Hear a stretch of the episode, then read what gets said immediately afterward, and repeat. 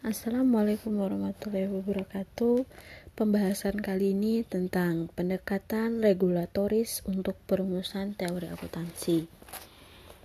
Sebuah pembahasan yang pertama yaitu hakikat standar akuntansi. Standar akuntansi mendominasi pekerjaan akuntan.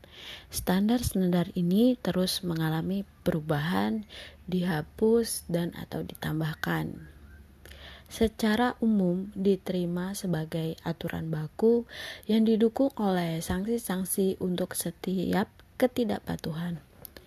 Standar akuntansi biasanya terdiri atas tiga bagian. Yang pertama, deskripsi masalah yang harus dipecahkan. Yang kedua, diskusi dengan pertimbangan yang sehat. Ketiga, selanjutnya sejalan dengan keputusan atau teori yang ada solusi yang disarankan. Secara umum, standar, terutama standar audit, dibatasi hanya untuk butir nomor 3 yang telah menimbulkan banyak kontroversi dengan tidak adanya teori-teori yang mendukung dan digunakannya pendekatan perumusan ad hoc. Akan tetapi, Tren umum yang terjadi adalah memasukkan butir nomor 1 dan 2 sehingga memberikan suatu aturan tindakan yang ringkas dan didukung secara teoritis. Dalam menilai subjek masalah dari standar, ED membagi persyaratan-persyaratan standar menjadi empat tipe utama. Tipe pertama menyatakan bahwa para akuntan harus memberitahukan kepada masyarakat apa yang mereka lakukan dengan mengungkapkan berbagai metode dan asumsi. Tipe kedua ditujukan pada tercapainya suatu keseragaman dalam penyajian laporan-laporan akuntansi. Tipe ketiga meminta adanya pengungkapan atas masalah-masalah spesifik di mana pengguna mungkin diminta untuk menerapkan pertimbangannya sendiri. Tipe keempat mensyaratkan dibuatnya keputusan implisit dan eksplisit mengenai valuasi, aktiva, dan penentuan laba yang telah disetujui. Namun, dalam penerapannya, Apa pun kasusnya, seluruh tipe standar akan terus dikembangkan. Beberapa alasan tentang mengapa standar harus dibuat adalah yang pertama, standar memberikan informasi mengenai posisi keuangan, kinerja, dan penyelenggaraan sebuah perusahaan kepada para pengguna informasi akuntansi. Informasi ini dianggap jelas, konsisten, andal, dan dapat diperbandingkan. Kedua, standar memberikan pedoman dan aturan tindakan bagi para akuntan publik yang memungkinkan mereka untuk menerapkan kehati-hatian dan kebebasan dalam menjual keahlian dan integritas mereka dalam mengaudit laporan-laporan perusahaan dan membuktikan validitas dari laporan-laporan tersebut. Yang ketiga, standar memberikan database kepada pemerintah mengenai variabel yang dianggap sangat penting dalam pelaksanaan pajak, regulasi perusahaan, perencanaan, dan regulasi ekonomi serta peningkatan efisiensi ekonomi dan sasaran-sasaran sosial lainnya.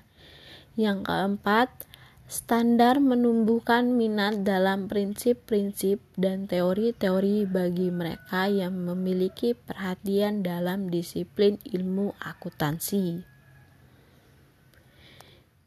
Subbab yang kedua, tujuan penerapan standar. Pemberlakuan standar mungkin memberikan keuntungan bagi beberapa pihak dan merugikan beberapa pihak yang lain.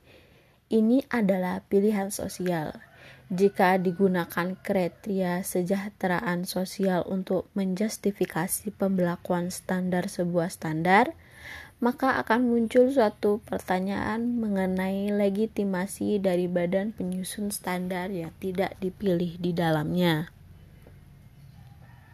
Pendekatan pertama mendukung pelaporan secara netral dan pencarian ketepatan penyajian melalui proses penetapan standar.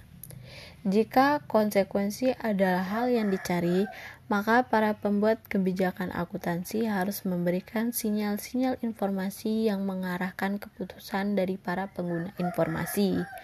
Akibatnya adalah secara pragmatis membuat kebijakan yang akan bertindak selaku pembuat keputusan. Sedangkan jika yang dicari adalah sasaran pengukuran yang berorientasi pada pengguna, maka pembuat kebijakan akuntansi harus memberikan informasi untuk memfasilitasi pengambilan keputusan para pengguna. Secara pragmatis, jika informasi yang diberikan sudah tepat dan dipilih berdasarkan kebutuhan dari para pengguna, maka para penggunalah yang bertindak sebagai pengambil keputusan. Subbab yang ketiga, entitas-entitas yang berkepentingan dengan standar akuntansi. Yang pertama, individual dan kantor akuntan publik. Individual dan kantor akuntan publik bertanggung jawab melalui auditor-auditor mereka untuk secara independen mensertifikasi bahwa laporan ke perusahaan telah menyajikan hasil-hasil dan aktivitas bisnis dengan wajar dan akurat. Yang kedua, American Institute of Certified Public Accountant. ICPA adalah organisasi yang mengkoordinir profesi bagi para praktisi CPA di Amerika Serikat dua komite teknis seniornya yang penting Accounting Standard Executive Committee dan Auditing Standard Executive Committee diberi wewenang untuk berbicara atas nama AICPA masing-masing di bidang keuangan dan akuntansi biaya dan audit. Komite-komite ini menerbitkan statement of position yang yaitu pernyataan posisi yang berhubungan dengan masalah akuntansi. SOP ini menjelaskan dan menguraikan secara panjang lebar masalah-masalah akuntansi kontroversial dan hendaknya diikuti sebagai pedoman jika mereka tidak bertentangan dengan pernyataan FAACBA statement yang sudah ada. Melalui Journal of Accountancy, AICPA mengomunikasikan masalah akuntansi kontroversial dan pemecahannya kepada para anggotanya. Yang ketiga, American Accounting Association. AAA adalah organisasi para akademisi akuntansi dan setiap individu yang tertarik dalam peningkatan praktik dan teori akuntansi. Jurnal kuartalnya, Accounting Review, dipergunakan sebagai media untuk saling bertukar pikiran, juga hasil para periset di bidang akuntansi. AAA juga bertindak sebagai forum di mana para akademisi mengekspresikan pandangan-pandangan mereka akan berbagai topik dan permasalahan akuntansi. Yang keempat, Financial Accounting Standard Board FACBE menggantikan EPB di tahun 1973 sebagai badan yang bertanggung jawab untuk membuat standar akuntansi. FACBE adalah badan independen yang berwenang dan ditugaskan untuk menetapkan dan meningkatkan standar pelaporan dan akuntansi keuangan.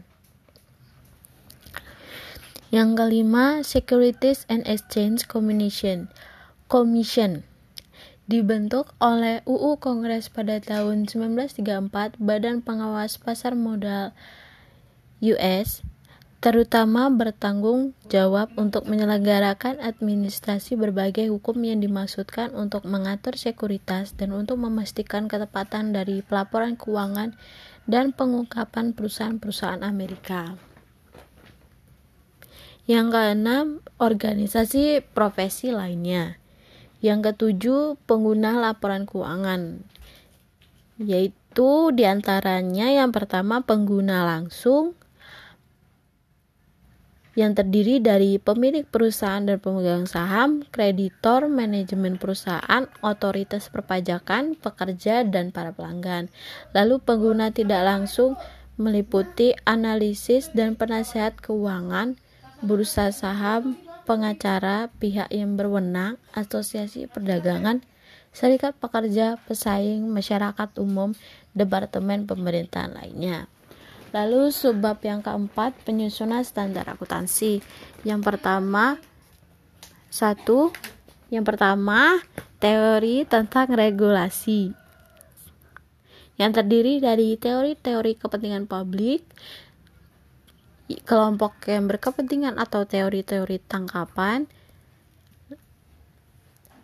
lalu pendekatan pasar bebas, regulasi standar akuntansi di sektor swasta, regulasi standar akuntansi di sektor publik. Baik, sekian dari saya.